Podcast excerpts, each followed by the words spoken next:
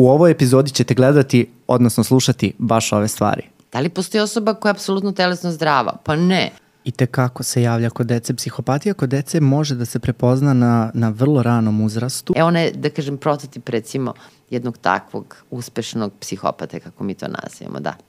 Kad pričaš, ja stalno imam asocijaciju na adolescenta. Evo, primjer pacijenta koji kaže, nekad se osjećam kao kraljević, a nekad kao prosjak. Tražili ste mnogo da pričamo o poremećajima ličnosti, zato ćemo uh, posvetiti jedan svojevrsni serijal ovoj temi, jer smatramo da je ova tema jako bitna i dosta široka i vrlo neobrađena, uh, tako da smo se dogovorili da ćemo napraviti niz epizoda, a ovo će biti prva u nizu.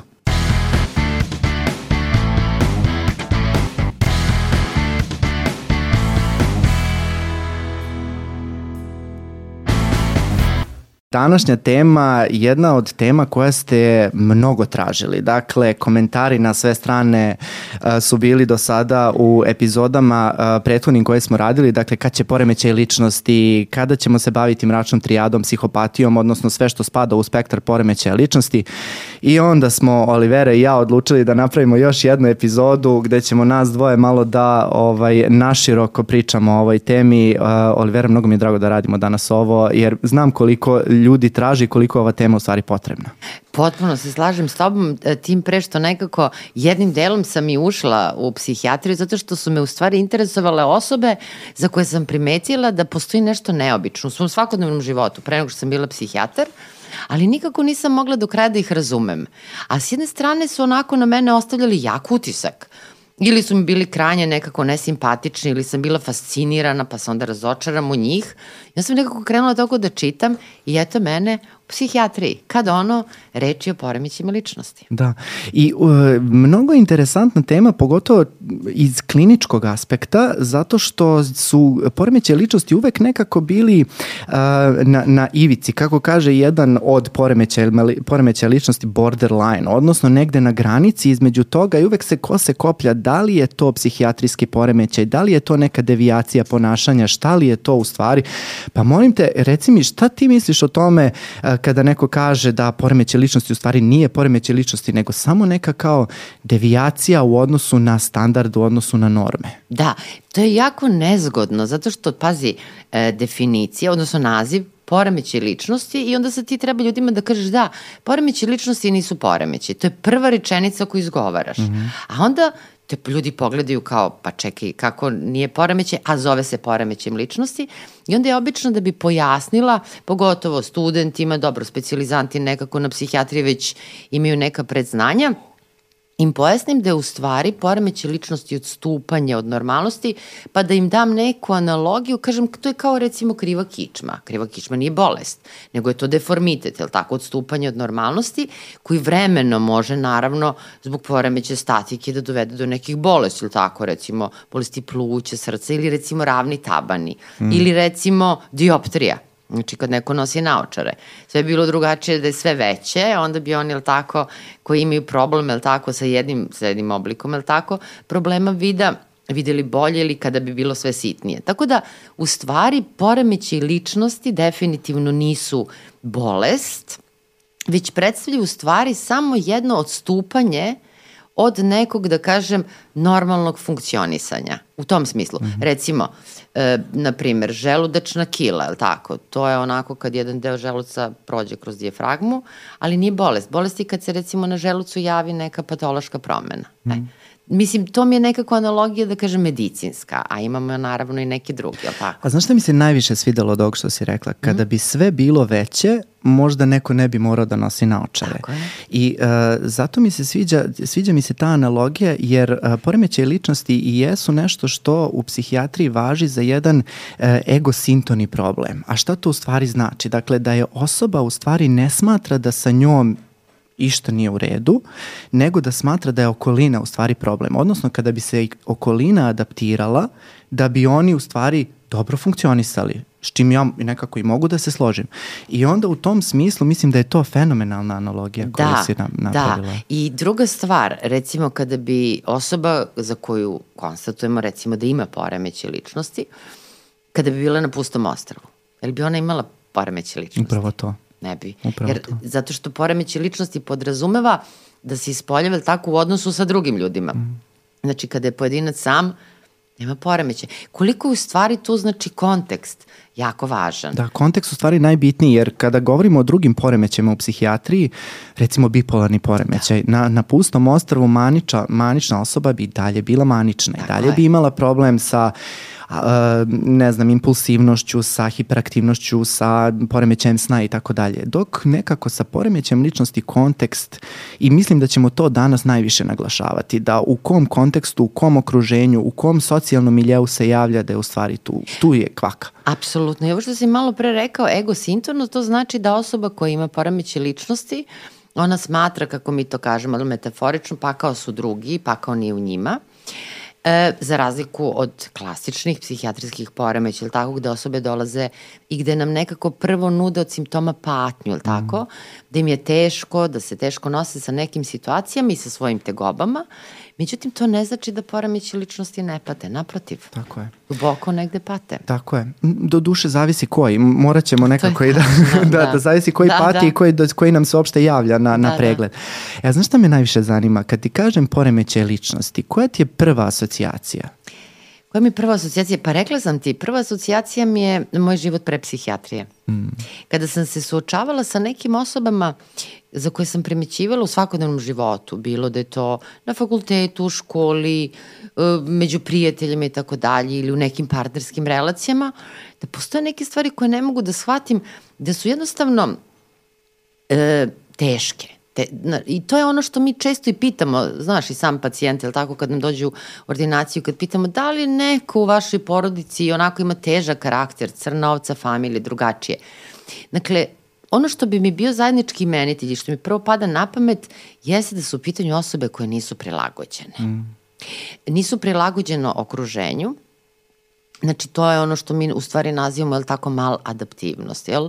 Neprilagođenost. I to je fenomenalan onaj film uh, Sećaš se sa Finonom, Vironom Ryder, mm, neprilagođena. Neprilagođena. Mm. Da, kada je ona završila u sanatorijumu kao mlada i, ovaj, i kada je u stvari postavljena diagnoza tog famoznog borderline-a koji se nekako, da kažem, sve više pojavljuje, pogotovo u socijalnim medijima, I verujem da će malo pričati o borderline-u danas. Mm, mm.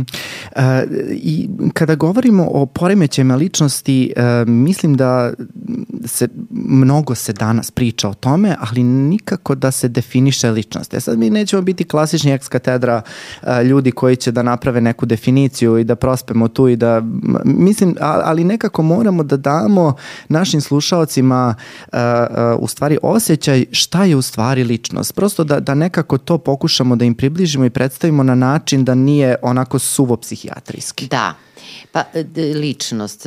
Mi znamo da postoji mnogo definicija ličnosti. A sećam se davno ovaj, jednog pametnog čoveka koji je rekao kada postoji mnogo definicija o jednom pojmu, to znači da nijedna nije potpuno tačna. Ono što je činjenica, to je da svaki čovek u suštini predstavlja jedinstveno tako ličnost i da, neponovljivu. Znači, ne postoje dve identične ličnosti. I da praktično ličnost u stvari podrazumeva skup nekih karakteristika, ali tako, i obrazaca ponašanja koje osoba ponavlja kroz vreme, ali tako. I ono što, da kažem, karakteriše zdravu ličnost, to je taj jedan doživljaj e, stabilnog identiteta, znači ja sam i znam ko sam, ali tako, i jednostavno e, onoga što nazivamo tako identitet, integriteta i doživljaja kontinuiteta u vremenu. Znači ja sam ista ona Olivera danas sa 50 i nešto godina i ona Olivera od pre 5 godina i 10, 15, 20, ja sam svesna da se menjam, je tako? Menjam se e, fizički, naravno, i vremena e, u kome živim se menju, ja se ja sazrevam i celog života ćemo se sazrevati, ali uvek sam ja ja. I moji stavovi uh, su nekako, da kažem, konzistentni, ili tako, sad ja sebe predstavljam kao zdravu ličnost. Genijalno. Da, baš sam super. A i toga onako, ćemo se da. dotaći, u stvari, šta je to što nas čini u stvari ovakvim kakvi smo, da tako da nismo je. u stvari, niko od nas nije potpuno zdrava ličnost. Apsolutno. Da, da. Ja kad sam pisala inače poglavlje o poremećima ličnosti, kako da ti kažem, ne mogu sad da kažem za sebe apsolutno, aha, ja sam sad stabilna 100%, ili tako ličnost. Znači, svi imamo neke variacije na temu. I ne znači svaka ekscentričnost u ponašanju da da je osoba poremeće ličnosti. Evo recimo uzimo Lady Gaga. Mm. Lady Gaga ima, da kažem, vrlo je specifična, ekscentrična, ekstravagantna, ali da li to znači da je ona poremeće ličnosti? Pa ne znači, mm. je tako? Ona je svoja, je li tako? Ali je vrlo adaptirana i funkcionalna i živi svoj život kako ona želi, je li tako? I vrlo je uspešna u tome što radi. Mm. Je tako? Jeste, i mislim uh, da je u suština ovoga da, da kažemo da nismo mi prototipi neke zdrave ličnosti koji su došli da popuju o, o zdravoj ličnosti, nego ćemo prosto, mislim da i mi kroz ove možemo da prepoznamo svoje sobstvene crte koje su na nekom smislu malo adaptivne, u koje i nas koče u nekim sferama života. Tako je, a drugo uopšte zdravlje. Zdravlje je zaista ideal, mm. to je abstraktan pojam, jer ajde možda da približimo slušalce slušalcima kroz telesno zdravlje. Da li postoji osoba koja je apsolutno telesno zdrava? Pa ne. Običan mladež na koži, ili tako je jedna vrsta dobroćudnog tumora. Znači ne postoji osoba koja je 100 od 100 ni telesno, ni fizički zdrava. Tako mi težimo naravno da budemo bolja verzija sebe i telesno i, i psihološki, ali niko od nas nije apsolutno zdrav. Zato da. se meni sviđa ova definicija Svetske zdravstvene organizacije koja kaže da je zdravlje uh, skup uh, telesnog, uh, odnosno somatskog i psihičkog blagostanja. I neko kad kaže blagostanje, meni se to odnosi na sve sfere života. Nije samo na neko puko fiziološko funkcionisanje uh, urinarnog sistema ili digestivnog trakta, nego um, neka, da kažem, funkcionalnost i neka uklopljenost i neka, um, kako bih rekao, svakodnevna uh, um, mogućnost da učestvujemo u aktivnostima, u, u svemu. Neka kad kažeš blagostanje, to je mnogo širi pojam od neke proste suvoparne funkcije. Da, da pogotovo zato što u stvari uvodi taj kulturološki, mm -hmm. društveni i ekonomski fenomen. Da. Što je suština psihijatrije. Apsolutno. Da, da. Ja se sećam, ti si mnogo mlađi od mene, ali tamo 90. godina pa kad je bila hiperinflacija i kada se jako teško živelo, prosto ljudi jel, koji su malo stari vrlo dobro znaju o čemu pričam. I se sećam ovaj, jednog lekara koji je rekao pa kako vi očekujete od nas da budemo zdravi kada jednostavno ne ispunjavamo osnovni kriterijuma, to je to ekonomsko blagostanje, mm. gde podignu platu i odu i onda ovaj, ne mogu da kupe ni jednu marku u to mm. vreme, jel? Prema tome i tekako su važne te komponente, dakle mi jesmo i ne možemo negirati da smo biološka bića i psihološka bića, i mm, da kažem da postoji ta neka duhovna komponenta, ali sa druge strane, da bismo bili zdravi, pa i psihički zdravi, ali tako, i da bismo bili stabilne ličnosti, mora da postoji ta komponenta i ekonomska i kulturološka, a s druge strane, ono što si me sada asocirao, to je da kada se definiše poremeće ličnosti, uvek moramo da uzmemo obzir i tu kulturološku komponentu. I recimo neki ljudi koji žive recimo u nekim plemenima, jel, izolovani od sveta, imaće neke svoje specifične obrazce ponašanja, sisteme vrednosti koji se možda razlikuju od nas ovde koji sedimo u studiju i sad i pričamo, jel tako, mm -hmm. o poremećima ličnosti i onda mi ne možemo sad, zato što su oni drugačiji od nas, da ih klasifikujemo, ali tako, u nešto da oni odstupaju od neke norme koje smo tako mi zacrtali ovde, jel? sedeći i Ćasković je o poremećima da. ličnosti. Znači, ta kulturološka komponenta važna. Da, znači, kada, evo, pokušali smo da definišemo ličnost u par nekih ovaj, primera, znači, ono što smo u suštini rekli da sumiramo, re, uh, rekli smo da je ličnost u stvari jedan uh, persistentan, odnosno jedan dugotrajan obrazac ponašanja koji se formira još u mlađem periodu, to mi deči psihijatri nekako najviše znamo da se u, još od ranog detinstva neke crte ličnosti formiraju i ostaju stabilne tokom vremena vremena i to su jedni uh, trajni, često nepromenljivi obrazci ne samo ponašanja, nego i percepcije sebe, što mislim da je uh, uh, i velika, da kažem, stvar, stvar koja nekako promiče taj doživljaj sebe, doživljaj odnosno sebstva. Sebe. Jeste. Ove, ovaj, sećam se jednog pacijenta koji upravo imao taj problem u doživlju sebe, u kom smislu, da prosto nekako pojasnimo plastičnije ili možda kroz primer. E, kod poremeće ličnosti postoji problem u doživlju sebe u smislu tog kontinuiteta koji se malo pre promenila. Šta to konkretno znači? Evo, primer pacijenta koji kaže, nekad se osjećam kao kraljević, a nekad kao prosjak. Dakle, on nema konstantan doživljaj svojih, jel tako, vrednosti, svojih osobina, svojih karakteristika, jel? Prosto nekada sebe doživljava superiorno, znači ima tu taj nestabilni, kako mi to nazivamo, identitet, jel? Ima difuziju identiteta, I postoje trenuci u kojima sebe smatra, kažem, superiornim, mnogo, da kažem, kvalitetnim od drugih, a onda odjednom prelazi onu drugu, onaj drugi ekstrem gde u stvari sebe doživljava manje vrednim u odnosu na sobstveno okruženje, e, sa jednim doživljem krivici i tako dalje. Naravno, ta difuzija identiteta ne mora da samo podrazumeva nestabilnost, ali tako, postoje, da kažem, i različiti neki drugi oblici gde osoba persistentno sebe u stvari, ali tako, doživljava manje vrednom. Ali ono što mi je super pogotovo zato što si ti deči psihijatar, negde da kažemo da se sada dešavaju poprilično velike promene u psihijatriji, što je super, jer se uvodi, da kažem, ta neka 11. revizija klasifikacije, ne samo bolesti i poremeće kad je u pitanju psihijatrija, nego generalno medicina, i da do sad smo mi u stvari imali da poremeće ličnosti možemo da diagnostikujemo tek od 18. godine. Tako je. E sad se to menja, je li da. tako? Da, da, tako je. Sad je prvi put uh, se uvodi, uh, odnosno izbacuje se ta vremenska granica. Nekako je ranije smatrano da 18. godina je ta prekretnica, ta tačka od koje ličnost može da se procenjuje kao stabilna, kao nepromenljiva i od tada je zrela ličnost, a od uh, 17 godina i 355 dana nije.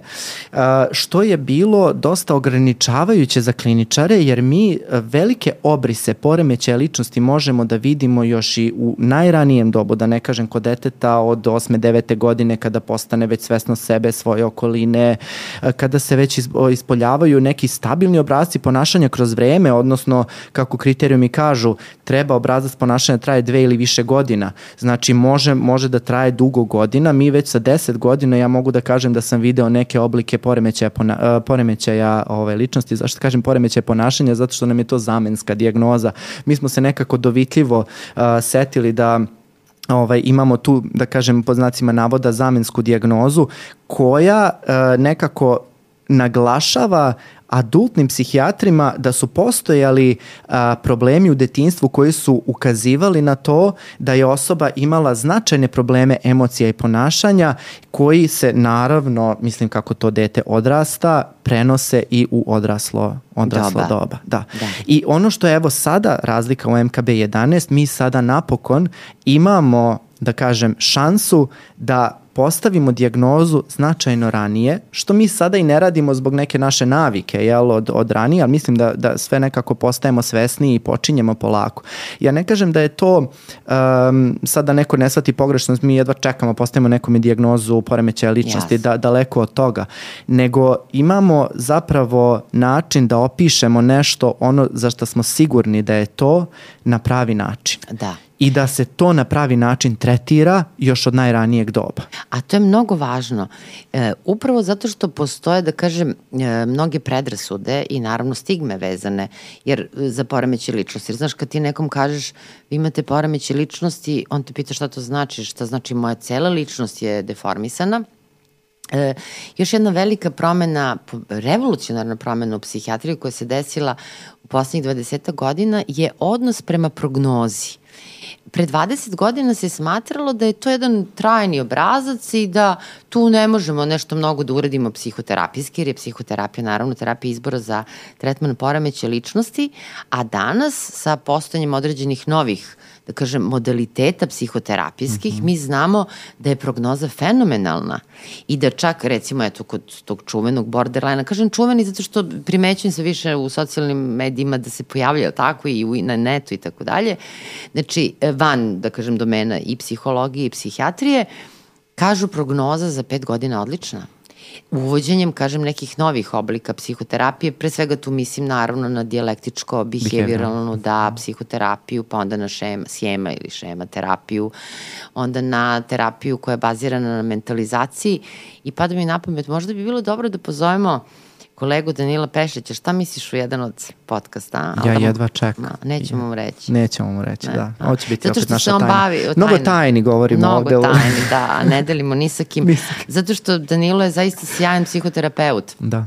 I ove, mislim da bi on bio tu najbolji da nam u stvari pojasni na koji način on radi u stvari upravo te psihoterapijske tehnike kod nas na institutu. Da, i, Državno. Uh, I ono što, evo, kad smo se dotakli tih novih koncepata u psihijatriji, da. što si super pomenula, dakle, uh, sada se kreće više ka toj dimenzionalnosti, odnosno kreće se ka nekom gradiranju, što ja mislim da je dosta, dosta dobra stvar, jer nas uh, sprečava da imamo taj neki cut-off kriterijum, da kažemo, e, pre nečega je bilo to samo neka mala devijacija u nekom, nekoj vrsti ponašanja i ne znamo koja granica se tu pređe i sad odjednom, evo tu, da li je 4 od 5 ili 3 od 5 kriterijuma zadovoljeno i onda kad pređemo određen broj kriterijuma, e, sad imamo poremeće ličnosti i to je tako.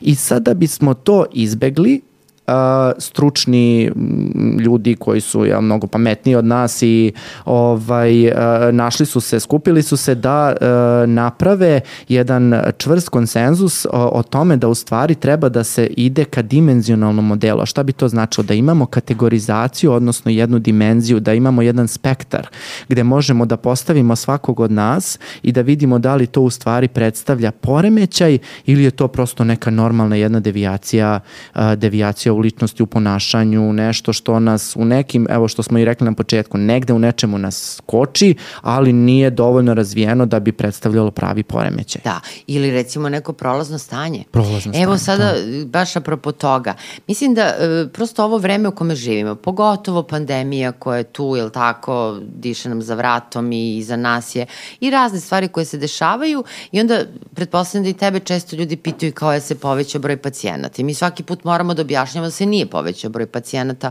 koji recimo boli od nekih poremeća tipa od anksioznih poremeća, depresije i tako dalje. Ono što se promenilo to je način komunikacije ljudi. Ljudi su postali manje, malo su nestrpljivi, mm, malo su arogantniji nego što bi trebalo možda da bude, spremni su na neke onako, da kažem, konflikte, jel tako, i tamo gde treba i gde ne treba, manje tolerancija. Ali ne možemo da kažemo da je to poremećaj, već da je to reagovanje na neku aktuelnu trenutnu situaciju na globalnom nivou. Ja verujem kad neke stvari prođu, kada ne, delovanje nekih stresora prođe, da će naravno i to nekako da se samo po sebi povuče. Znači, ne govorimo o poremećima, nego u stvari o tim nekim problemima u međuljudskim odnosima. Jer ono što karakteriše poremeće ličnosti, ili tako, li tako, pored tog jednog uh, izmenjenog doživljaja sebe, jeste i upravo ono što smo malo pre rekli, a to su međuljudski odnosi. Zato kažemo nema, je li tako, poremeće ličnosti na pustom ostravu. A ovo što si pomenuo, uh, taj dimenzionalni pristup, Ono što je jako dobro, kada su u pitanju uopšte te klasifikacije poremeće i bolesti u medicini, ili tako, e, to je da e, pre mnogo godina, pre više od pola veka, kada nekako su te klasifikacije zavladale medicinom, one su više bile bazirane na mišljenju pojedinih autoriteta, jel? mišljenju eksperata. A onda se vreme, jel tako, menjalo i onda su počele da se formiraju neke radne grupe, onda su ljudi počeli da rade istraživanje, da dokazuju da li zaista neki poremeći postoje ili ne postoje. I e, formirana je u stvari posebna radna grupa kada je reč o poremećima ličnosti upravo ovo, ili tako, mm -hmm. 11. reviziji.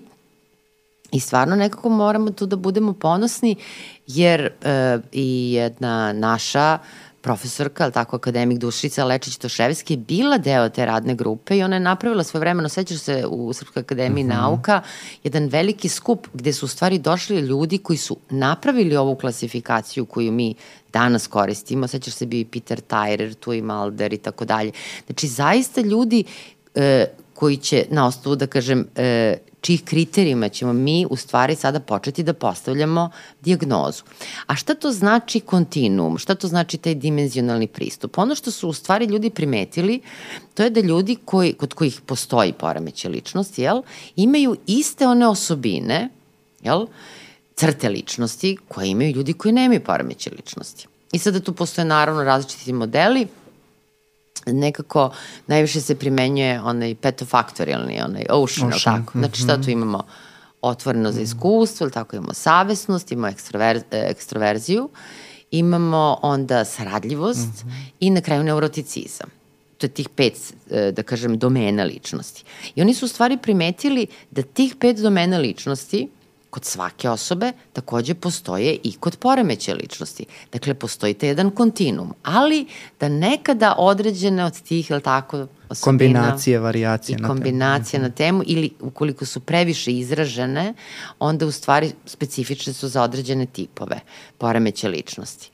ranije, odnosno je, jel, do skoro, praktično mi smo imali pojedine tipove poremeće ličnosti. Kako je to izgledalo? Imali smo Pa bile su različite kategorije, da. dakle imali smo, a sad zavisi po kojoj klasifikaciji, ali da. ona je jedna od najpoznatijih generalno svetskih, bili su ovaj, u, u klastere su ih stavili, da. bio je znači klaster A, klaster B, klaster C, pa su bio onaj klaster, uh, klaster A koji je opisivao um, ekscentrike, odnosno ljude koji su čudljivi, onako čudni su, to su bili uh, schizoidni, šizotipalni i podsjeti me sve, ba, paranoidni, da.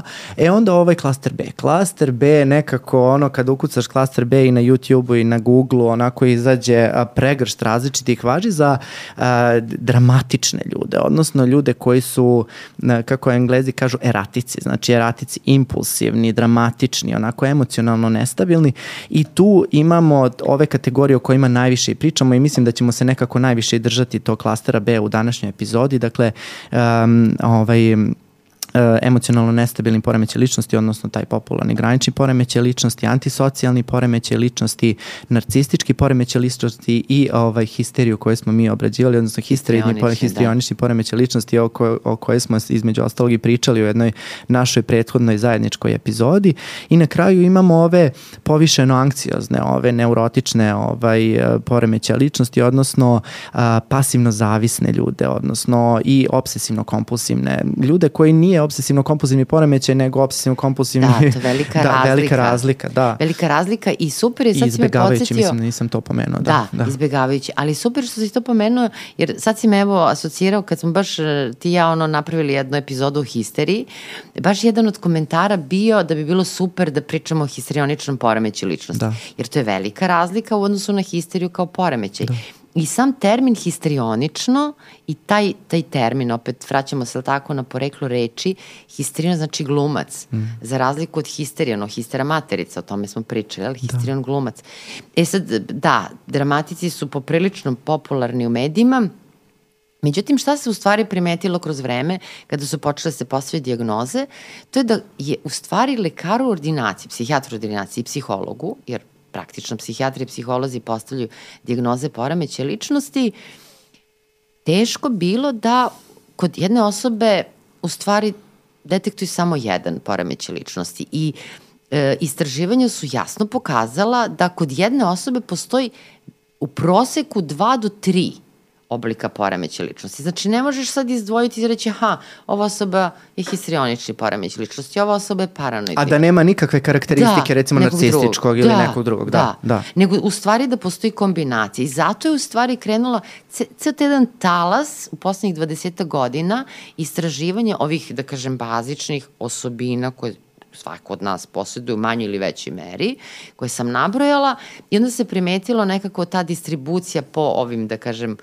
oblicima poremeća ličnosti I tako je u stvari došlo do te velike revolucije u psihijatriji, tako da u stvari sad je li tako, delimo prema težini mm. poremeće ličnosti na Lage, da, da, srednje, teške. Da, i to je meni isto uh, bilo interesantno jer se uvodi ta kategorija um, devijacija ličnosti. Ja ne znam, sad podsjeti me kako se tačno zove. Poteškoće ličnosti. Da, da, to je super. Da, i to je super jer napokon imamo, kada imamo, da kažem, samo jednu od tih stvari koja onako prenaglašena, ali ne vodi u neku veliku disfunkcionalnost gde možemo da kažemo poremeće ličnosti. I ti si upravo u ovom poglavlju o kojoj si pisala o MKB-11 navela jedan odličan primjer koji mi je ostao u glavi dan danas još od spremanja specijalističkog ispita, a to je da e, recimo e, kod anoreksija, odnosno poremeća ishrane, imamo tu jednu veliku e, rigidnu obsesivnu komponentu koja nije poremeće ličnosti per se, ali u stvari samo jedna prenaglašena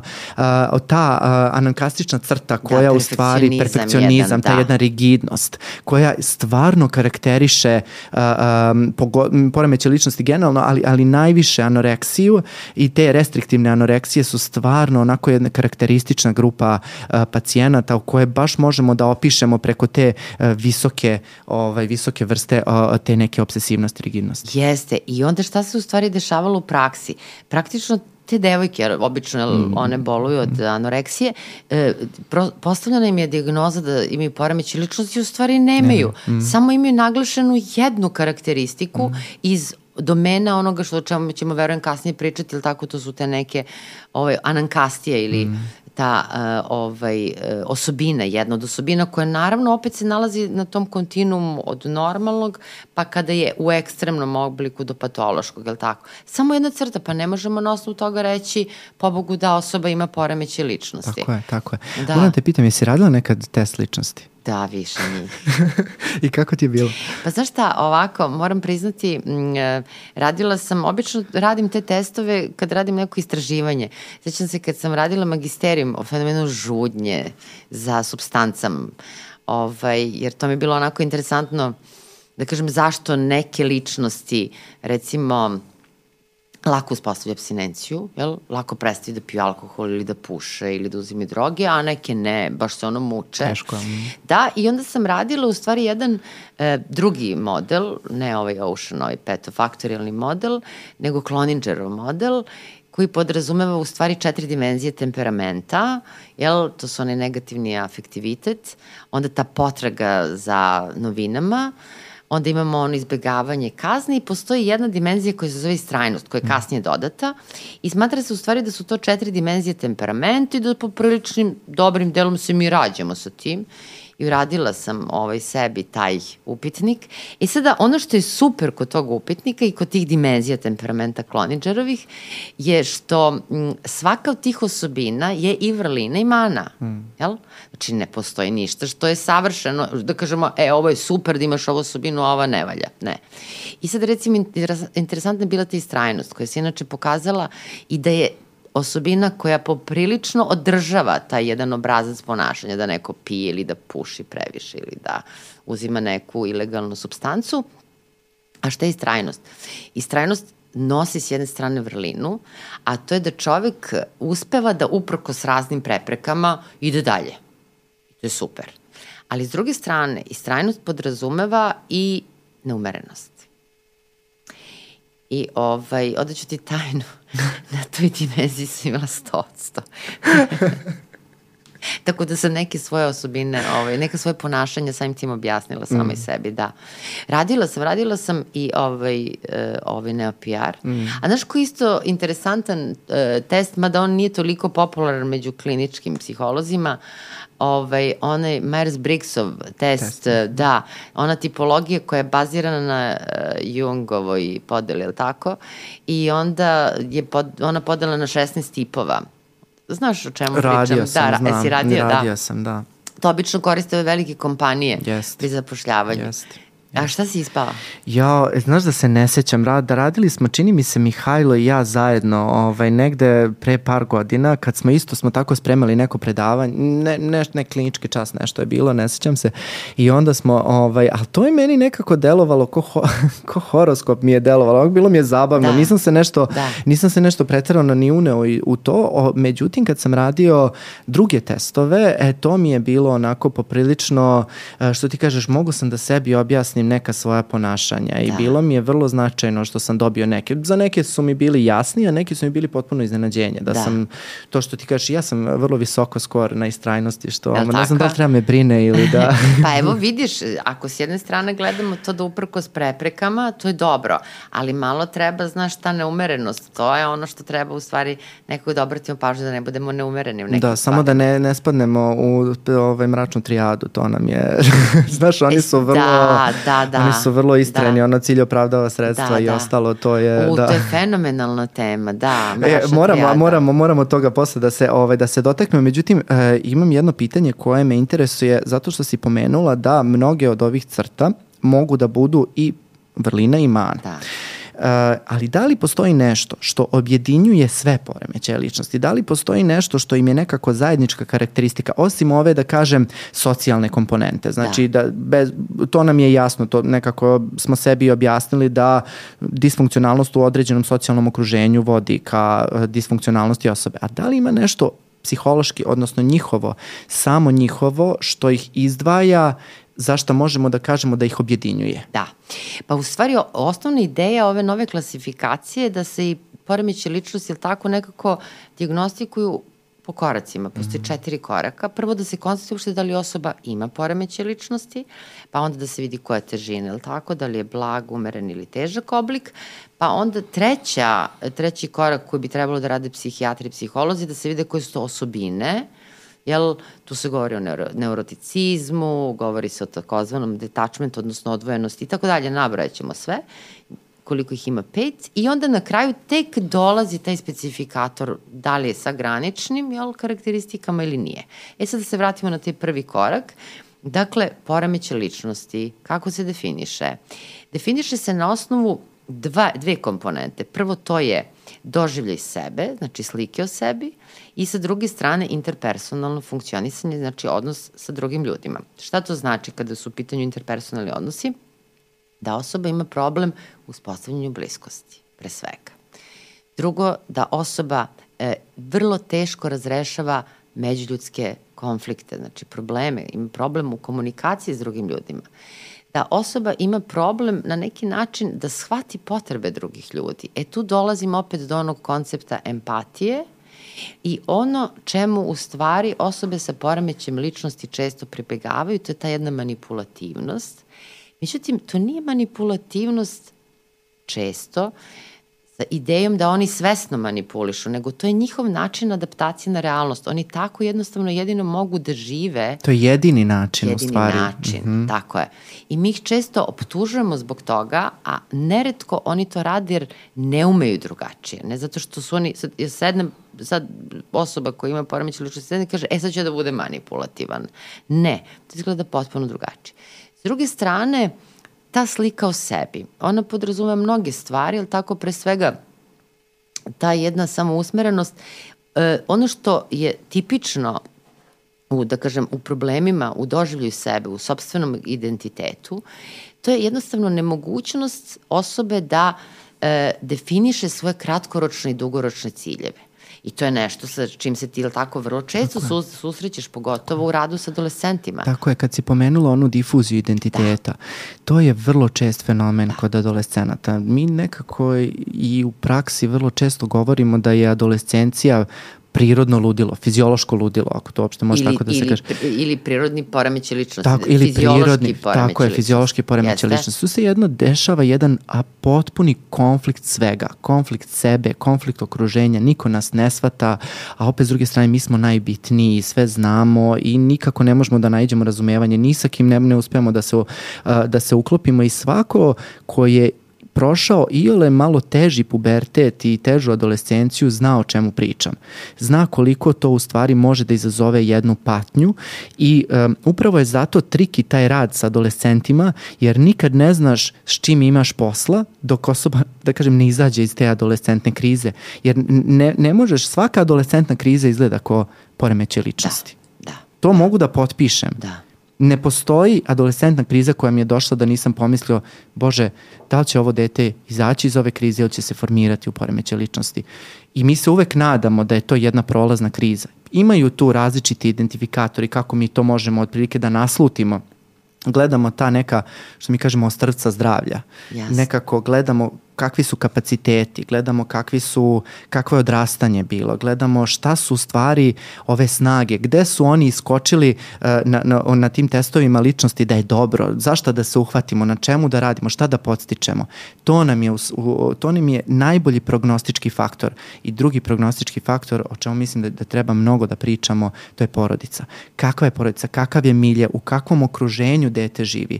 Jer dete u adolescentnoj krizi, ako se nalazi u domu nekom, ako se nalazi nalazi bez roditelja ili sa roditeljima koji su zlostavljači, zanemarujući roditelji. Ne možemo mnogo uopšte da radimo na tome, nego se hvatamo, da kažem, za slamku potpuno. Mi se osjećamo sa, to, sa, sa, sa tim pacijentima kao da nam ono do, do, o, jedva glavu držimo iznad, iznad, yes. ovaj, iznad vode i pokušavamo da se hvatamo za bilo šta što će to dete nekako izvući. Apsolutno, jer e, u stvari sve ono što je, da kažem, definišuće za poremeće ličnosti, se manifestuje kroz različita ponašanja. Jeste. A upravo, da kažem, u okviru ta adolescentne krize je jedan, da, nažalost, od tipičnih manifestacija ono što se javlja kod tih srednje teških i kod teških poremeća ličnosti generalno, to je samo povređivanje. Tako je. I onda sada, recimo, mlada osoba koja prolazi kroz tu fazu, samo povređuje se, jel? A vrlo dobro znamo šta nam kaže. Kaže nam, lakše mi je da osetim telesni bol, od duševnog bola. E tu se u stvari vraćamo na onu priču da bez obzira što je to egosintono u smislu da osoba koja ima poremeće ličnosti nema uvidu, ona smatra da je problem u okruženju, u stvari duboko pati. I šta često radi poremeće ličnosti? On misli, promenit ću sredinu, otići ću u drugu grad, u drugu zemlju, promenit ću profesiju i sve će biti bolje. Međutim, on nosi sebe i samim tim nosi i sobstvene probleme. Da. Tako je, ti sad nekako opisuješ tu odraslu osobu, ali da. kad, kad, uh, kad pričaš, ja stalno imam asocijaciju na adolescenta. Da, da. Na jednog adolescenta koji misli takođe da u njemu nema ništa loše i da on mora da se da, da, da prilagodi okolinu sebi, odnosno da se cela okolina prema njemu adaptira, a to je prirodno. To je prirodno, deca su prirodno egoisti, deca su prirodno egocentrična i, i, i uh, to je neka razvojna, da kažem, faza. I sve ono što karakteriše ceo skup poremeća ličnosti, a to je ta rigidnost, neprihvatanje pravila, potpuna, da kažem, disregulacija, emocionalna disregulacija, nemogućnost uh, uh, regulacije sobstvenog uh, bola, sobstvenih emocija i jedna potpuna netolerancija bilo kakvih pravila autoriteta je adolescencija. Tako je. A isto to, kada prenesemo u odraslo doba, mi možemo da postavimo dijagnozu poremeća ličnosti. Tako je. E sada, ono što karakteriše poremeće ličnosti generalno, dakle, to je i ta jedna neautentičnost. E to je, da kažem, negde ono, ono što mi nazivamo as if, kao da. Dakle, oni imaju intenzivnu potrebu da se identifikuju sa osobom sa kojom se recimo druže, jel? I ovaj, onaj da kažem, sindrom kameleona koji je Woody Allen fascinantno ovaj, opisuje, odnosno, da kažem, onako oslika u jednom od svojih filmova, vidiš kako on to ume da radi, jer njegovi kasni filmovi su više, da kažem, mm. onako u vezi sa poremećima ličnosti. Oni, da kažem, ranije su tako više, da kažem, neuroski neki poremeći. Kako da. se u stvari razvijala psihologija, psihologija i psihijatrija generalno. Ne, ali mi se. Woody Allen je pratio, jel? Pratio je trendove, da. Da. pratio trendove. Tako da ta jedna neautentičnost je ziv koji oni sami doživljavaju. Ali njima je potrebno, to je taj Ilijana fenomen, neko je tako, gde će oni da preuzime jedan deo identiteta. Ali iz toga proizlazi u stvari ta zavodljivost. E, oni to ne rade svesno, jel?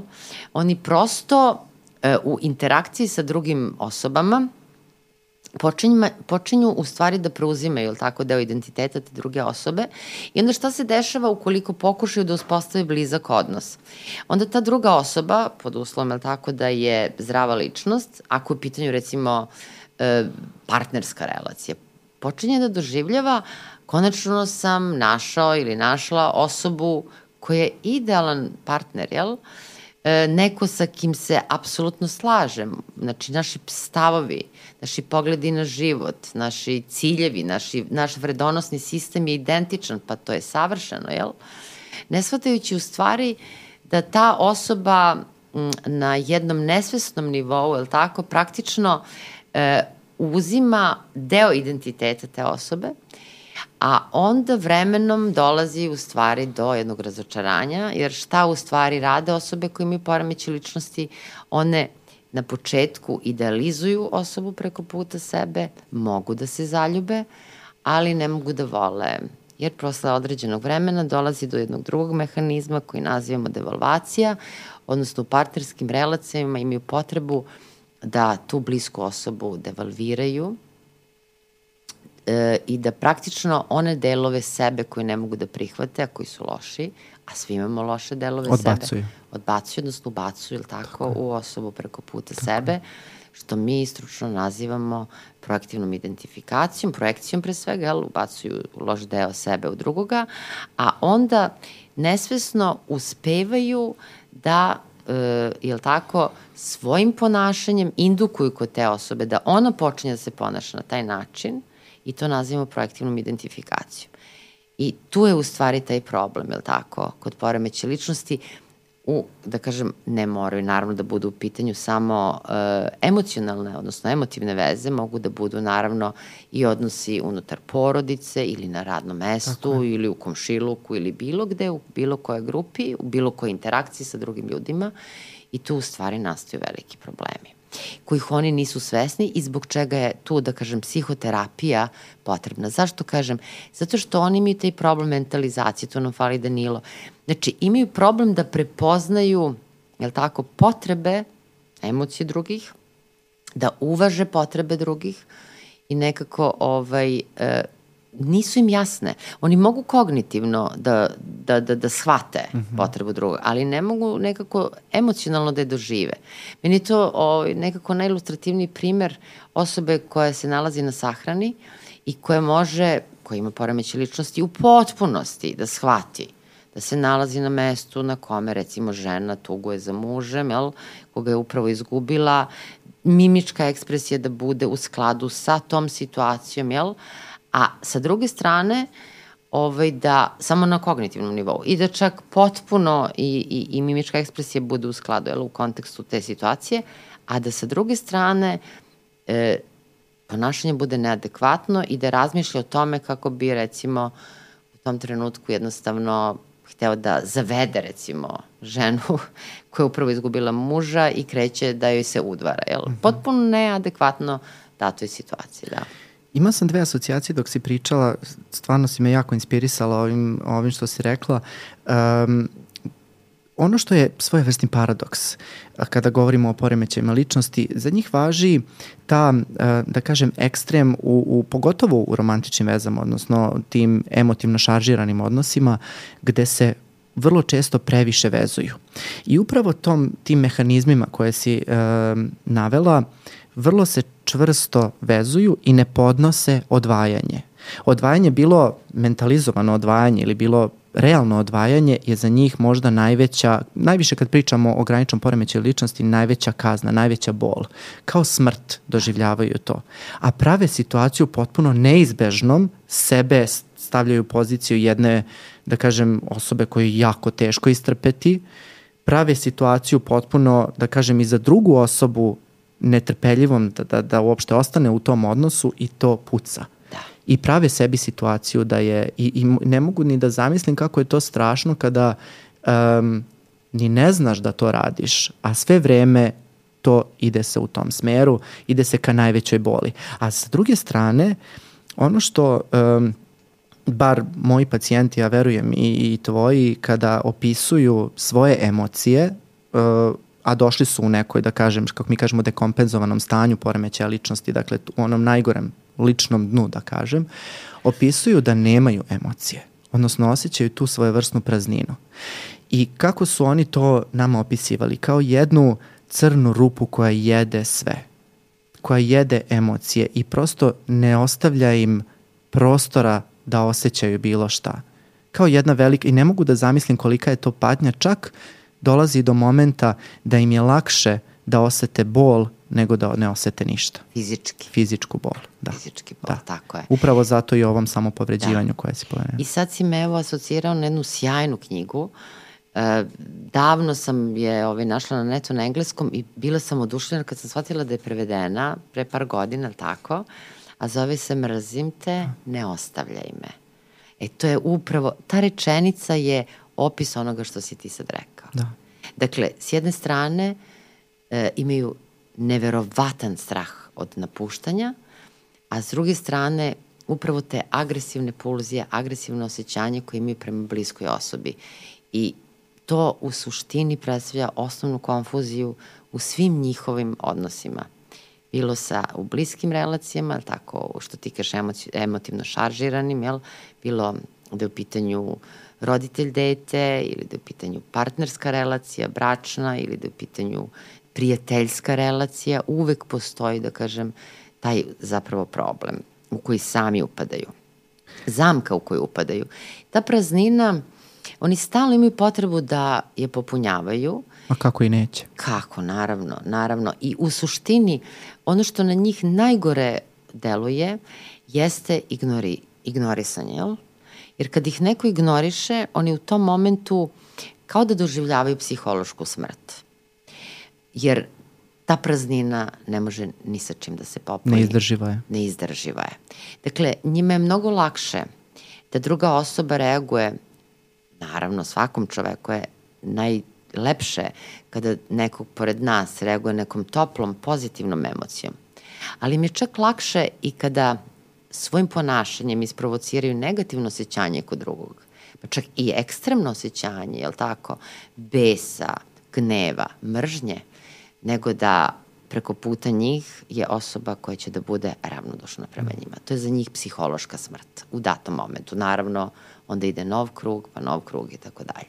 S tim što je u terapijskom odnosu taj problem i verovatno negde razlog što i pred desetak, 20 godina se smatralo da je prognoza loša, je što ta, tu nestabilnost, kako mi nazivamo taj entitet stabilno nestabilnim, jer ono što je kod njih najkonstant, najstabilnije, to je ta nestabilnost, jer zato i nazivamo stabilno nestabilnim entitetom, je što oni neretko odustaju od terapije, jer šta rade u početku? Idealizuju terapeuta, a onda posle nekog vremena ga devalviraju i prekidaju sa tretmanom. Upravo u terapiji rade ono što rade u svakodnevnom životu, Tako odnosno oponašaju svoj svakodnevni interakciju sa, sa, sa ljudima koje vole. Tako je. Da. I onda u stvari je uvođenjem dijalektičko-behavioralne terapije koju je uvela čuvena Linenhan, jel? Uh mhm. -huh. koja je praktično, ono što je fascinantno meni bilo kada sam pročitala predno 5-6 godina, rekla tako da u stvari je ona ta koja ima granični poremeće ličnosti, a ona je napravila terapiju za tretman granično poremeće ličnosti. Kako je to meni fascinantno. Pametna, divna jedna žena koja je sama da kažem, e, patila od određene vrste problema, a onda ne samo da je pomogla sebi, nego je pomogla celom čovečanstvu. A zar to i nije pravi način, da kažem, mi evo, dosta stvari nekako možemo da mentalizujemo godinama radeći sa nekim pacijentima sa određenom patologijom, ali ne možemo sa nekim stvarima, ja nikad nisam uspeo da se povežem. Recimo, ja ne bi uspeo sebi iglu da obodem u ruku, da, pa da ne znam šta, da umirem od raka i da moram sebi da dam injekciju, ne znam da li bi uspeo sebe da ubodem. Uh, ne mogu da razumem nagon recimo za samopovređivanjem, nije mi to blisko. Ne mogu da razumem kako izgleda kad neko čuje glasove. Te neke stvari ne mogu, ne mogu, mogu samo da zamislim kako je vidim preko puta sebe, prepoznajem kolika je to bol, ali ne mogu da, da, da, da suštinski to shvatim. I zar nije onda najbolje da osoba koja čuje glasove ili osoba koja osjeća tu prazninu napravi određenu terapiju kojom će u stvari pokušati da pomogne tim ljudima koji osjećaju isto što i ona osjeća. I zato je dijalektičko-behavioralna terapija možda najbolji pristup i, uh, koji imamo do dana današnjeg upravo zato što ga osmislila osoba koja je kroz to prošla. Tako je, jer ovaj, uvek se vraćamo na narodne poslovice i na narodnu mudrost. Ne pitaj učenog, pitaj paćenog. Tako je. Prema tome, ona je prošla kroz svoju patnju, a bila je, da kažem, dovoljno inteligentna i dovoljno istrajna, očigledno, da praktično negde definiše kako je sebi pomogla i nekako to podelila sa ostatkom sveta. Sjajna stvar. Sad ja nisam dijalektičko-behavioralni, odnosno DBT-a, tako da ga zovemo da ne lomim jezik svaki put. Znači nisam DBT terapeut, ali mi je, uh, zanimljiv mi je taj razvojni put u stvari gde, se, uh, gde je ona uh, htela da napravi terapiju kojom će sprečiti najgoru posledicu poremećaja ličnosti, odnosno graničnog poremećaja ličnosti, a to je suicid. Tako Jer je poznato da postoji visoka stopa suicida kod osoba koja pate od graničnog poremećaja ličnosti iz svih ovih razloga koje smo naveli. I onda su krenuli odatle. To je bila nekako uh, početna tačka, jer nije bilo terapije koja se fokusira na suicidalnost, bar koliko je meni poznato, bar terapije koja je onako širokog maha uzela. I onda je DBT došao.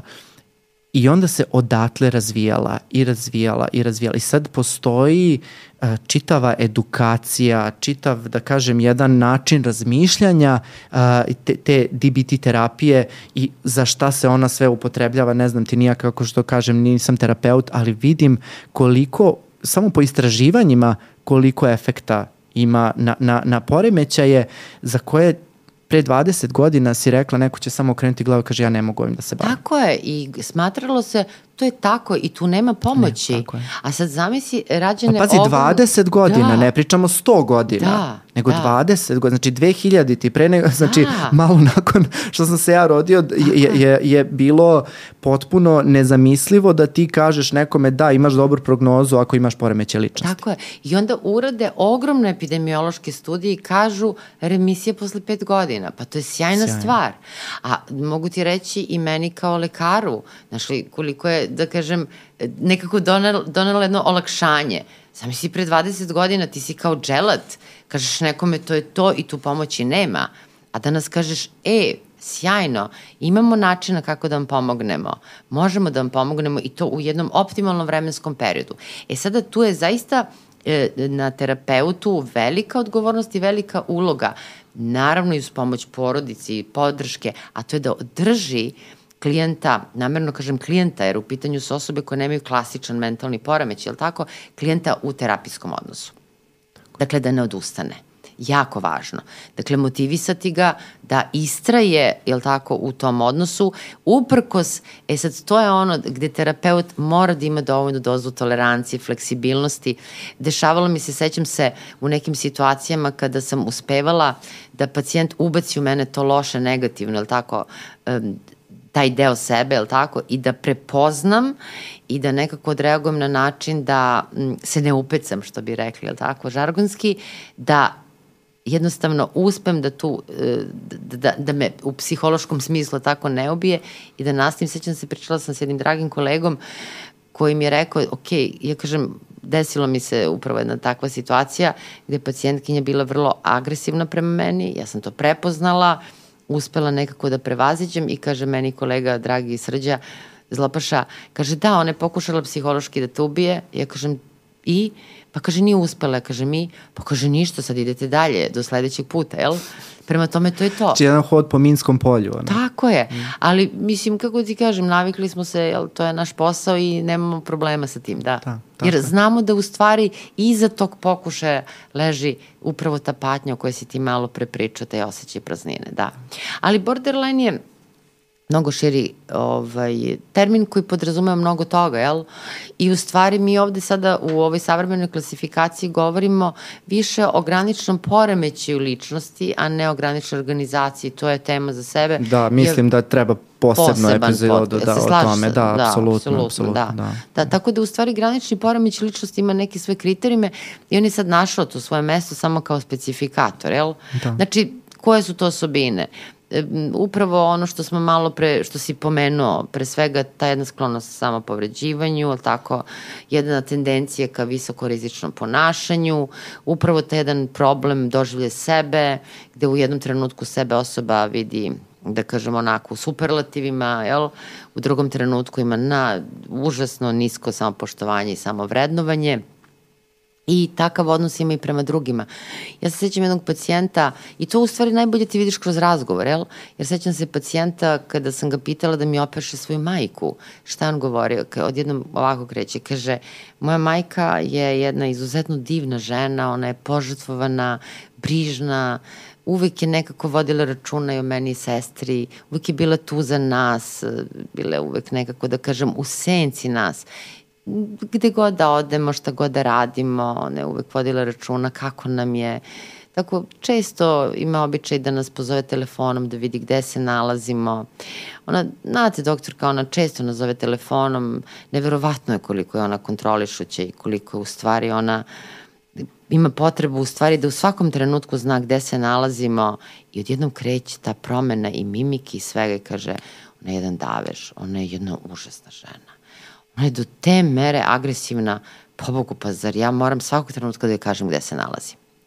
E, to je to što mm. mi nazivamo splitting. Mm. Dakle, od jedne idealizacije, divna majka, od, samo u sekundi rez i kreće devalvacija, ali to ne znači da osoba ima problem u pamćenju. Ne osoba zna šta je malo pre rekla, ali kako mi to nazivamo? Mi, to nazivamo poništavanje, ili tako, u trenutku kad kreće da priča loše o svojoj majci, poništava emociju kao da se nije ni desilo ona, ona idealizacija i samo kreće najnegativnije da priča o majci.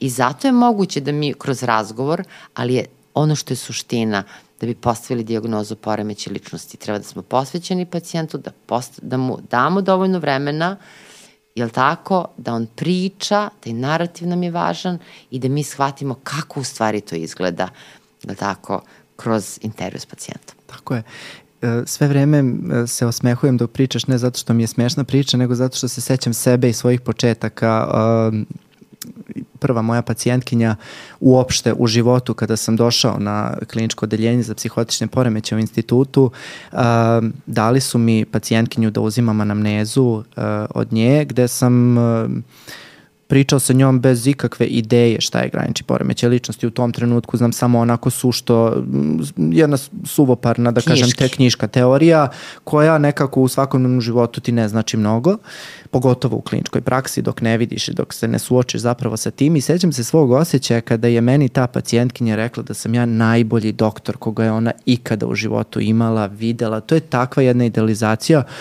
gde kako ti kaže, mislim, na jednog, na jednog sindrom mladog uh, specijalizanta ti onako poprilično podigne ego i ti se sad uh, lepo sam se ja tu što kažem mladi zavozao, znaš, onako krenulo je da me, krenulo je da me radi to što mi priča i kao wow, možda sam ja stvarno najgenijalniji psihijatar koji je hodao zemljom i sad e, prepričavam ja to starijim kolegama kako je ona rekla tu, meni to bilo malo i upadljivo, prvi put me vidi u životu, jednom smo razgovarali kako je to moguće, da oni svi kreću da se smeju. Bez moje ideje zašto se smeju, sad je mhm. kao možda, dobro, ajde, kao preterala je, ali, znaš, Međutim, e, što ti kažeš, kat. Jedan dan je bio, ja nisam razgovarao sa njom kada je ona to htela. To je takva mržnja bila, ona je mene, ona je mene gađala stolicom. Do, do te mere je, mislim, ona je bila stvarno vrlo specifična, ali ovaj, sećam se da, da nisam razgovarao s njom u momentu kada je ona htela, znači kršenje granica svih, i uh, upala je na vrate i rekla je da sve ono što je rekla povlači i tralala, svašta je tu bilo i u jednom trenutku sad mi razgovaramo i ja sam bez znanja uopšte u tom momentu šta smem, šta ne smem, ja sam ne, načepio jedan deo koji nisam trebao i ona je mene uzela stolicu i gađala. Da, I ali, to je stvarno bilo. To je, ali to je fa fascinantno isto koliko u stvari šta će isprovocirati taj Tako drugi je. deo. Tako znači, ona je tebe idealizovala i to je to. I to je ono što mi kao iskusni terapeuti znamo kada dođe, znači prvi susret i sada neko počinje da ti se divi kako si ti fantastičan ili ja sam fantastičan doktor, znamo da to ide iz idealizacije. To je nama jasno, naravno mi tu ništa ne intervenišemo, ali polako spuštamo, ali tako, taj doživljaj, jel, počinjemo da vodimo celu priču. Međutim, šta može da isprovocira ono dru, onu drugu stranu devalvaciju krajnje iracionalno. To ušte ne mora da bude neki dramatičan događaj. Ne mora čak da bude ni u toj meri. Upravo tako... to ja, ne znam što sam rekao. Ne, znači, ne, ne. Ja se sećam ovaj, svog profesora Pejovića koji je mene puno uči u životu i on je nama govorio vodite računa, to može da bude nešto krajnje irelevantno, neka banalna stvar koja kod osobe koja ima poremeć ličnosti može da izazove burnu reakciju. Dakle, ne nešto što, da kažem, izaziva burnu reakciju sada si ti neljubazan ili nisi uradio nešto ili nisi obratio pažnju. Krajnja sitnica koja može ne samo u odnosu sa terapeutom, nego i u životu. Tako je. I, I zašto je, recimo, malo pre si pomenuo, nažalost, i to je ono što je, da kažem, o čemu moramo da vodimo računa, to je ta suicidalnost. Ona je impulsivna, ona je neplanirana kod osoba koje pate od poremeće ličnosti i zbog toga moramo da vodimo računa, jer trigger, okidač može da bude krajnje, krajnja sitnica. Znači, uste devojka i vidi akno na licu – Jel? Dovoljno. Ne znači da će svaka devojka koja se pojavi akno na licu tako reagovati, koja ima, da kažem, probleme sazrevanja ličnosti.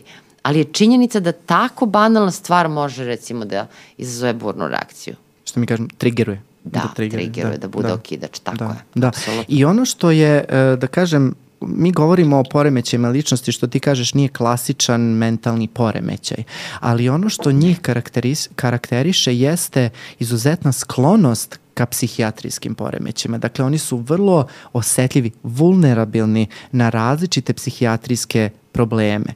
I upravo je, tako su i objašnjavali zašto su ga nazvali granični, odnosno negde je na granici, tako je negde ranije bilo to u, u, uverenje, da negde na granici između neurotičnog i psihotičnog, da može da sklizne u depresiju, vrlo lako može da sklizne i u psihozu, vrlo lako može da ima obrise bipolarnog poremećaja o kome ti možda najviše znaš od svih ljudi koje ja poznajem, tako da ta vulnerabilnost je u stvari nešto što nas u kliničkoj praksi najviše brine. Da, e, dogovorili smo se, znači pravimo posebnu emisiju o borderline. Posebno, posebno. Super, mm -hmm. zato što ćemo stvarno da objasnimo da tu postoje različiti istorijski koren i tako dalje i taj termin borderline imao mnoga, mnoga značenja, značenja tako, tako je. Mm. Ali ovo što si malo pre rekao, to je suština priče. Kada porem, osoba koja ima poremeć ličnosti dolazi u psihijatrijsku ordinaciju, dakle ona neće doći ukoliko nema psihijatrijske simptome. I mi to nazivamo, isto kao što i e, somatičari imaju reč dekompenzacije, jel? Tako i mi imamo dekompenzacije, dekomponovanje ličnosti kada kod poremeće ličnosti dolazi do pojave psihijatrijskih simptoma. I sad si recimo naveo, recimo iz depresivnog kruga, uopšte iz afektivnog kruga ili može da se javi kratkotrena psihotična epizoda. Ono što je fascinantno, meni se to dešavalo u psihijatrijskoj praksi, kaže kratka psihotična epizoda, par sati. Sećam se jedne pacijentkinje kod koje praktično postoji taj problem sazrevanja ličnosti kod koje postoji poremeće ličnosti. Ona je bila u dnevnoj bolnici, ona je par sati imala nešto što mi nazivamo distorzijom realiteta. Dakle, par sati je imala ideje da svi drugi, da kažem, članovi grupe jel, u dnevnoj bolnici su neprijateljski raspoloženi prema njoj, da žele da je otruju, da je sve to zato što je ona posebna i tako dalje, samo par sati. Naravno, može da bude i duže, može da bude i par dana ili par nedelja da se javi ta psihotična epizoda. Dakle, oni su jako osetljivi ili, kako mi to kažemo, vulnerabilni na stres i tada se javljaju psihijatru. Ali ono što je mene godinama proganjalo, moram da ti priznam, to je kako je to moguće da postoji jedna grupa osoba koji pate od poremeća ličnosti kod koji se javljaju psihijatrijski simptomi, zbog čega oni dolaze kod nas psihijatara, a s druge strane postoje poremeće ličnosti koji su ceo život uspešni, vrlo uspešni, koji imaju jako velika postignuća u raznim sferama, jel? I ne da se nikad ne jave psihijatru, nego naprotiv mi možemo da se javimo njima da ih pitamo o čemu se ovde radi, jel? I ovaj, znam da sam godinama listala i čitala literaturu i tek u stvari u poslednjih nekih desetak, 15 godina u stvari shvatila da su počeli da se javljaju odgovori. I da postoji nešto što se zove uspešna psihopatija odnosno jedan fenomen da su u pitanju osobe, ali tako, kod kojih postoje sve ove karakteristike o kojima smo mi govorili, a koji naprotiv ne da nikada ne dođu kod psihijatra, nego ovaj, su u pitanju ljudi koji vode vrlo uspešne živote, koji mogu da budu i vrlo visoko pozicionirani i koji se, jel, ovaj, uspevaju da uprkos, da kažem, tim problemima, jer ono što postoji kod poremeća ličnosti neretko, to je taj poremećaj morala, jel? Ta jedna nezrelost morala ili mogu da budu potpuno amoralni i da budu neempatični. Uh, ali da nikada recimo ovaj, ne dođe ovaj, do toga da imaju problem sa zakonom.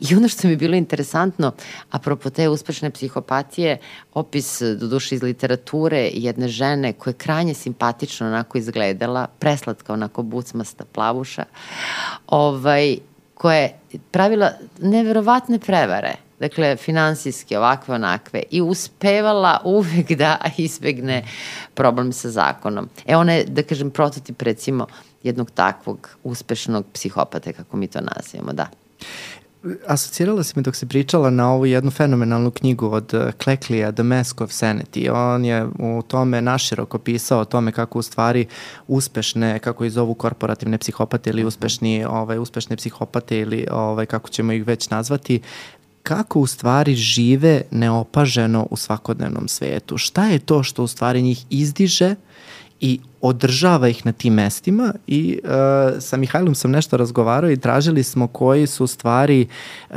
koje su to pozicije u kome ima najviše psihopatije. E, A, to misliš, je, koje su profesije? Koje su profesije, aha, tako je. Aha. I ovaj, Naravno, lekari, mislim, kako Hirurzi. da ti kaže?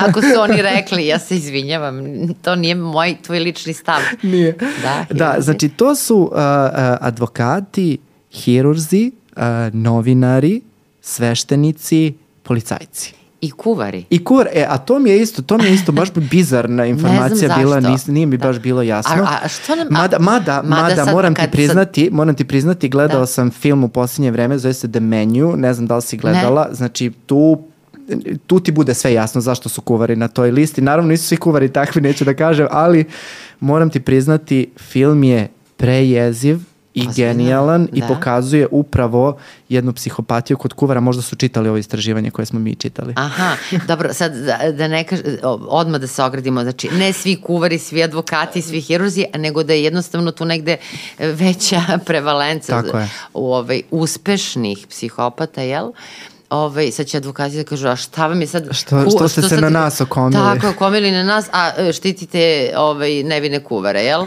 Ne, nego samo među tim ovaj, profesijama je najveći procenat uspešne psihopatije. Znaš, pitala sam se o čemu se u stvari tu radi. E sad tu ima raznih, naravno, teorija i meni je jedna od vrlo interesantnih ta evolutivna teorija, A, to je ta teorija, e, jedna kažu da je od evolutivno najstabilnijih strategija večna borba između grabljivica i golubica. Fenomenalna priča. Da u stvari, to je pitanje zašto ako je tačna prirodna selekcija, zašto u stvari kroz vreme nisu, da kažem, opstali samo oni, da kažem, superiorni, ili tako, fenotipovi, nego ipak uvek nekako postoji ta ravnoteža, ili tako, između e, nežnih golubica koje su te koje uvek pribavljaju resurse, ili tako, pribavljaju hranu u svom, jel, okviru svog staništa, ili ako ćemo ljudima, to će da budu kreativci, umetnici, ili tako, slikari, pisci, jel? ovaj, i po neki naučnik, jel? Mm -hmm. A sa druge strane, grabljivice koje jednostavno dođu i sve ono što su stvarali ovi, ove divne golubice pokupe, otmu i odnesu. I onda, zbog čega prirodnom selekcijom nije došlo do, da kažem, neke vrste, ali tako, prevage ovih koji su dominantni. I onda kažu da je jedna od evolutivno najstabilnijih strategija ta večna bitka između grabljivice i golubica, i da u stvari kada u staništu ima manji broj članova staništa, e onda su golubice te koje dominiraju, jel? Međutim, kada je stanište prenaseljeno, e onda je dominacija gul, grabljivica, pardon. Međutim, grabljivice ne napadaju samo golubice. Grabljivice se i međusobno napadaju vrlo. Tako da u stvari se čak pokazalo da se grabljivice i golubice ne razlikuju samo po ponašanju, već da su i biološki različite. Recimo, da sistem stresa, ti si napravio fenomenalan onaj podcast mm. o stresu, je li tako? Sa Vladom Borovnicom da, smo pričali, da. Ali mnogo mm -hmm. mi mhm. se dopao zaista. E, sistem stresa se potpuno različito mm, e, aktivira, odnosno ta biologija stresa je potpuno različita kod grabljivica i golubica. I nažalost, u stvari tu niko nije u prednosti.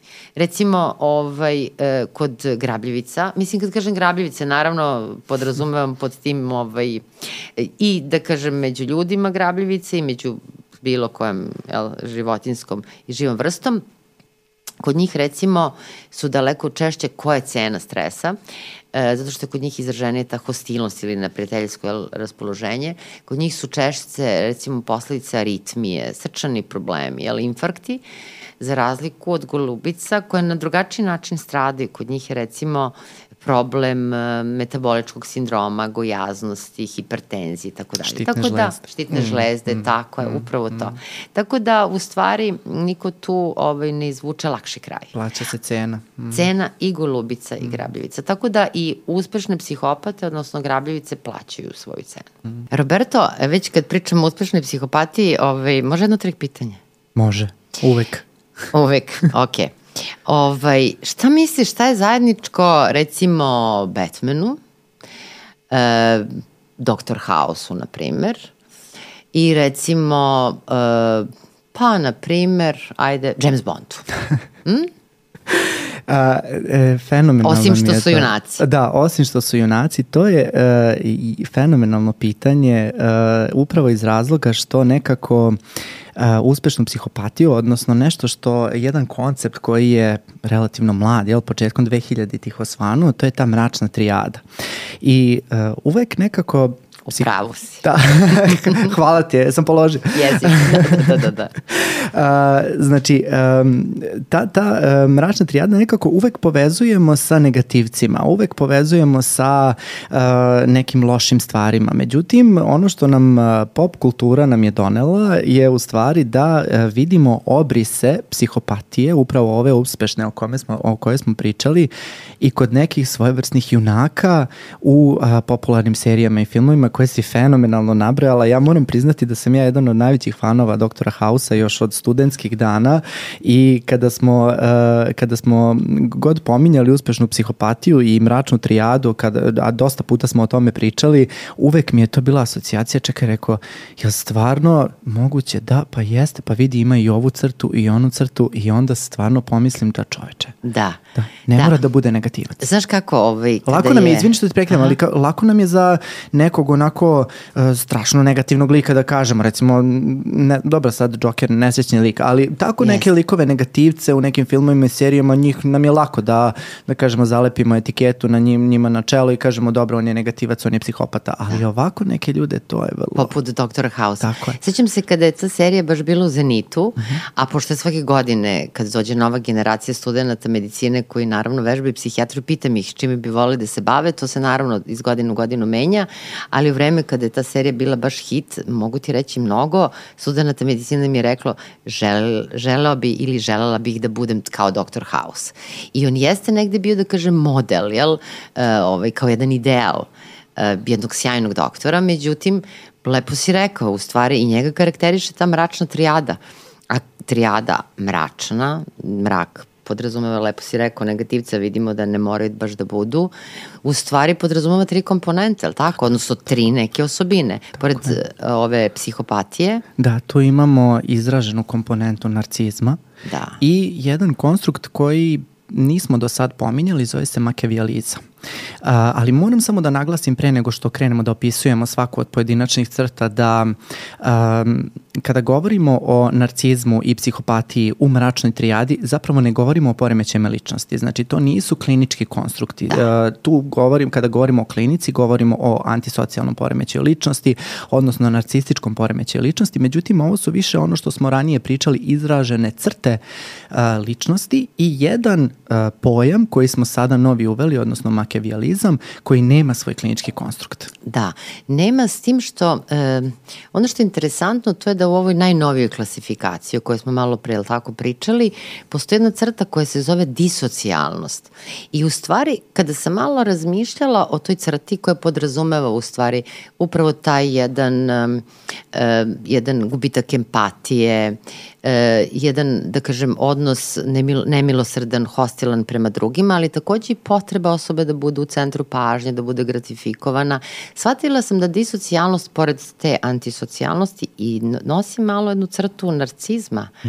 Tako da je interesantno da narcizam se ne pojavlja u novoj klasifikaciji kao poseban poremećaj, ali ima opis u okviru, da kažem, te disocijalnosti, uslovno rečeno, jel? A lepo si rekao, mračna trijada, nov koncept, relativno, relativno nov, nov, tako je, koji u stvari više služi ovako za opis nego što je, što se primenjuje u kliničkoj praksi. Da, Ali ga da vidimo on, u životu, da. Tako je, mislim da je on i više uh, osmišljen da opiše uh, ljude koji rade strašne stvari, nekako da imamo neki koncept koji opisuje uh, ljude koji čine uh, užasna, uh, da kažem, krivična dela, u ne, nekako nama nesvatljive neke stvari, da imamo prosto neki termin kojima ćemo ih opisati, ali ne samo to, nego da imamo i termin ka, kako da shvatimo u stvari te uspešne psihopate. Da, da ih bolje u stvari razumemo, tako da je. shvatimo o čemu se tu radi. Da. Tako je, tako je. I ono što nekako razmišljajući o konceptu mračne trijade, ne mogu da ne razmišljam o antisocijalnom poremećaju ličnosti. Ono što meni smeta, moram ti priznati, sad ja ne znam da li je bilo diskusije o tome, ali vrlo mi smeta uh, naziv po, uh, antisocijalni poremećaj ličnosti, jer um, bar dok sam ja bio student, kada kažeš antisocijalni, mene uvek asociralo na nekoga ko se ne ne prilagođava dobro u socijalnom okruženju. Nekako to mi više vuče na neki autizam, na neki, da kažem, neprilagođenost, neku, neki strah od socijalnih situacija. Međutim, kod antisocijalnog poremeća ličnosti potpuno suprotno. Znači oni su vrlo adaptirani, vrlo manipulativni, vrlo dobro znaju da iskoriste socijalnu situaciju u sobstvenu korist. Da, a opet ovo što si rekao uh, praktično i uh, predstavlja argumentaciju zašto u nove klasifikaciji izbačen termin antisocijalni i uveden u stvari termin disocijalni koji u suštini ne postoji um, kao da kažem termin ni u jednom jeziku i to baš autori nove klasifikacije kažu oni su uveli novu reč disocijalno jel koje podrazumeva ovo što su malo pre rekli dakle jednu okrutnost jel tako manipulativnost manjak empatije prema drugima e, skro, sklonost ka jednom kriminogenom ponašanju, ali s druge strane, da kažem, e, uvažavanje sobstvenih potreba i apsolutno neuvažavanje potreba drugih. Oni mogu da prepoznaju potrebu drugih, ali ne uvažavaju. Znači oni nemaju nikakav emotivni odnos sa drugima. Da. E sad to je interesantno, kažem tu postoje izvesna preklapanja, ali tako, između te disocijalnosti kao osobine, antisocijalnog poremeća ličnosti i pojma koji smo, da kažem onako negde pominjali tokom ove epizoda, to je psihopatija, jel tako? Psihopatija takođe nije E, klinički termin, nije nešto što mi koristimo tako u svakodnevnom kliničkom radu, mnogo je širi u stvari pojam i e, ta psihopatija u suštini e, obično je nekako viđamo ali tako u književnim delima ili na filmovima ali tako kod osoba koje su kriminogene ili koje su sklone e, da kažem, uopšte ponašanju koje nije u skladu sa nekim etičkim normama, amoralni su, jel? Dakle, njih tuđa patnja neće ni na koji način uznemiriti, ali će vrlo da ih uznemiri ukoliko su oni u patnji, jel? To je ono što ih, da kažem, razlikuje. Međutim, kažem, obično se vezuje za osobe neke zrele životne dobi. A da li se javlja i kod dece, imajući u vidu da si deči psihijatar? Kakva je tu situacija?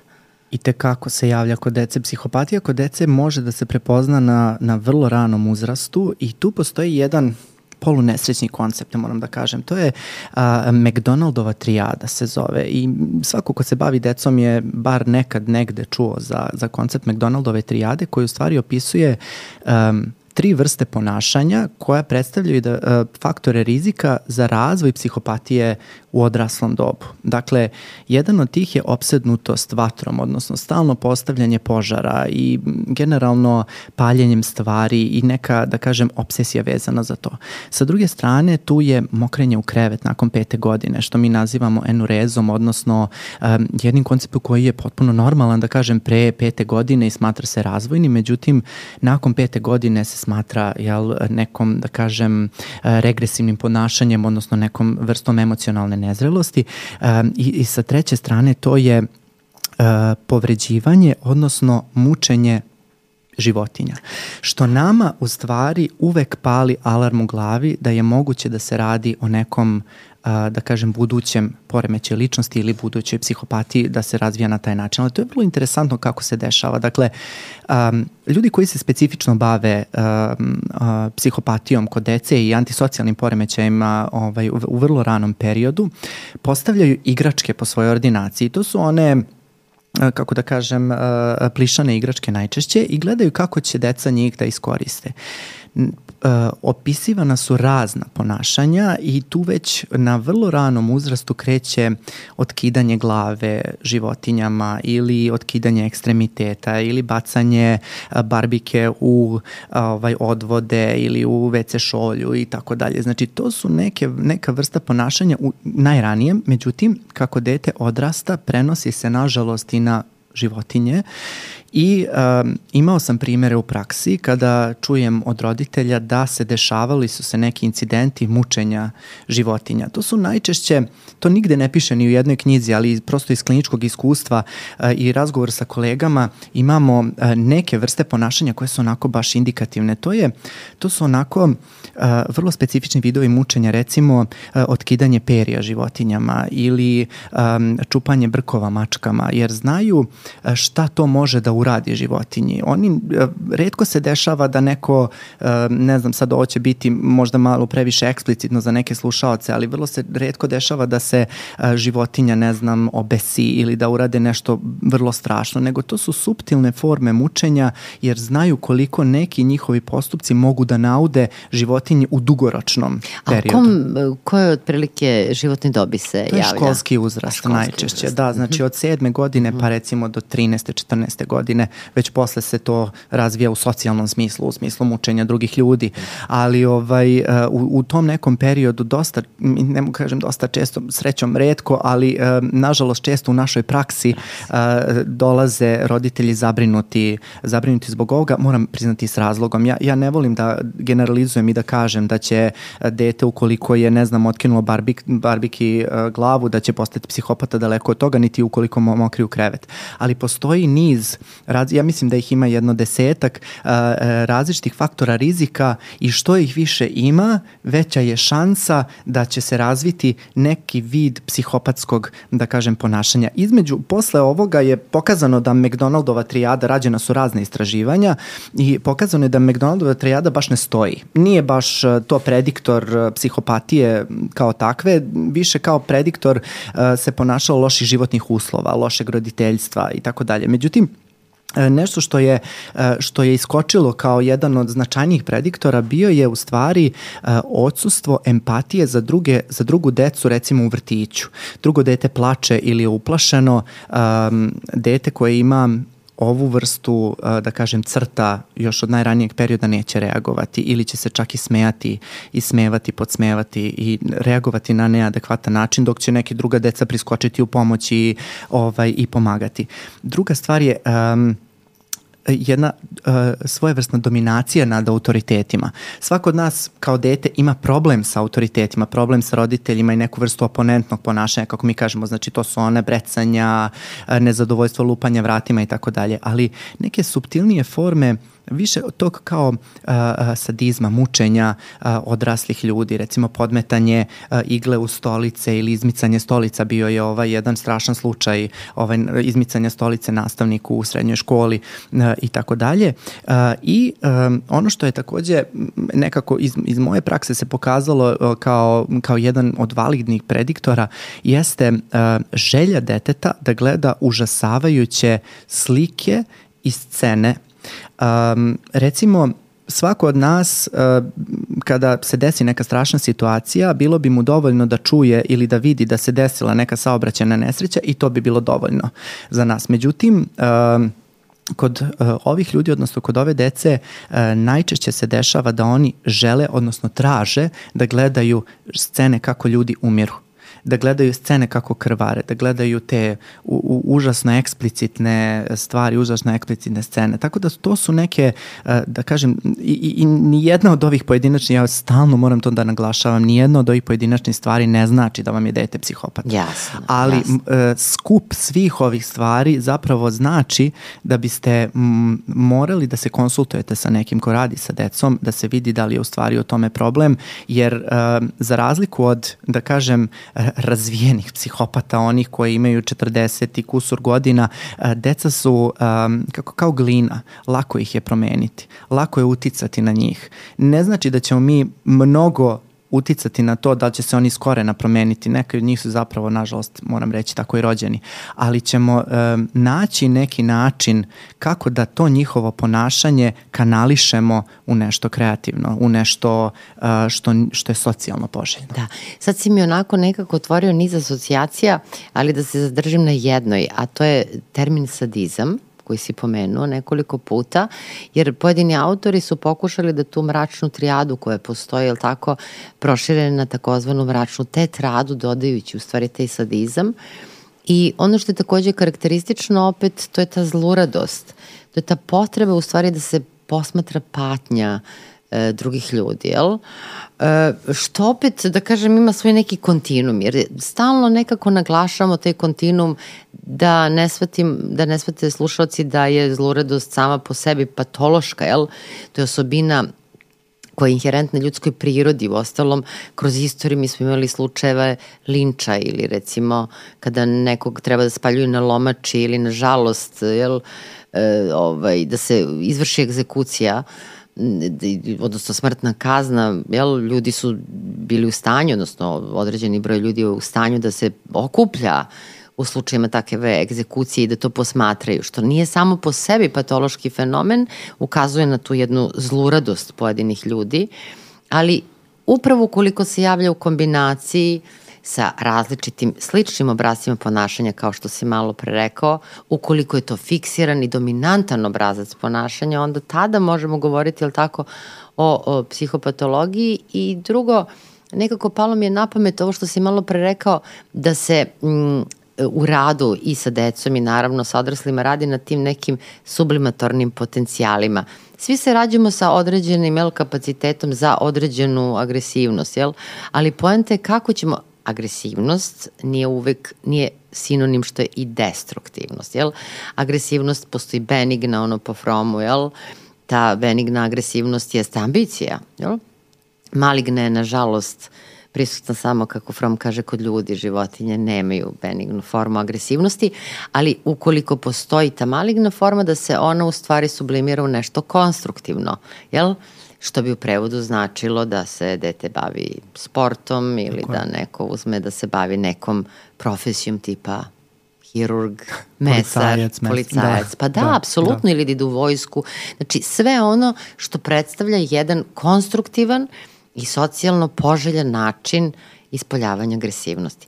I kao što si u najavi rekao, u stvari ovo će da bude, ovo je prva u nizu, ili tako, epizoda koja je posvećena poremećima ličnosti, jer nekako kroz ovu epizodu mi smo provukli mnoge termine koji zaista zahtevaju da im se posveti posebna epizoda od borderline-a, narcizma, to je poseban fenomen, ili tako?